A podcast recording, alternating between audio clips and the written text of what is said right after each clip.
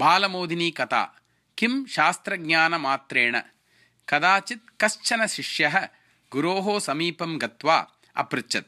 गुरुवर्य मया बहवः शास्त्रग्रन्थाः अधीताः।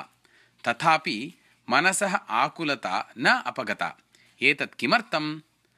मम शास्त्रज्ञानम् अपारम् इति चिन्तनं स्यात् खलु भवतः।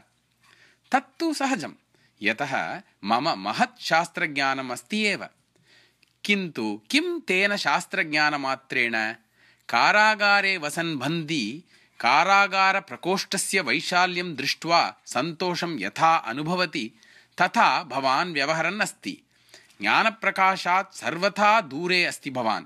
अतः एव चित्तशान्तिः नास्ति भवतः इति अवदत् गुरुः।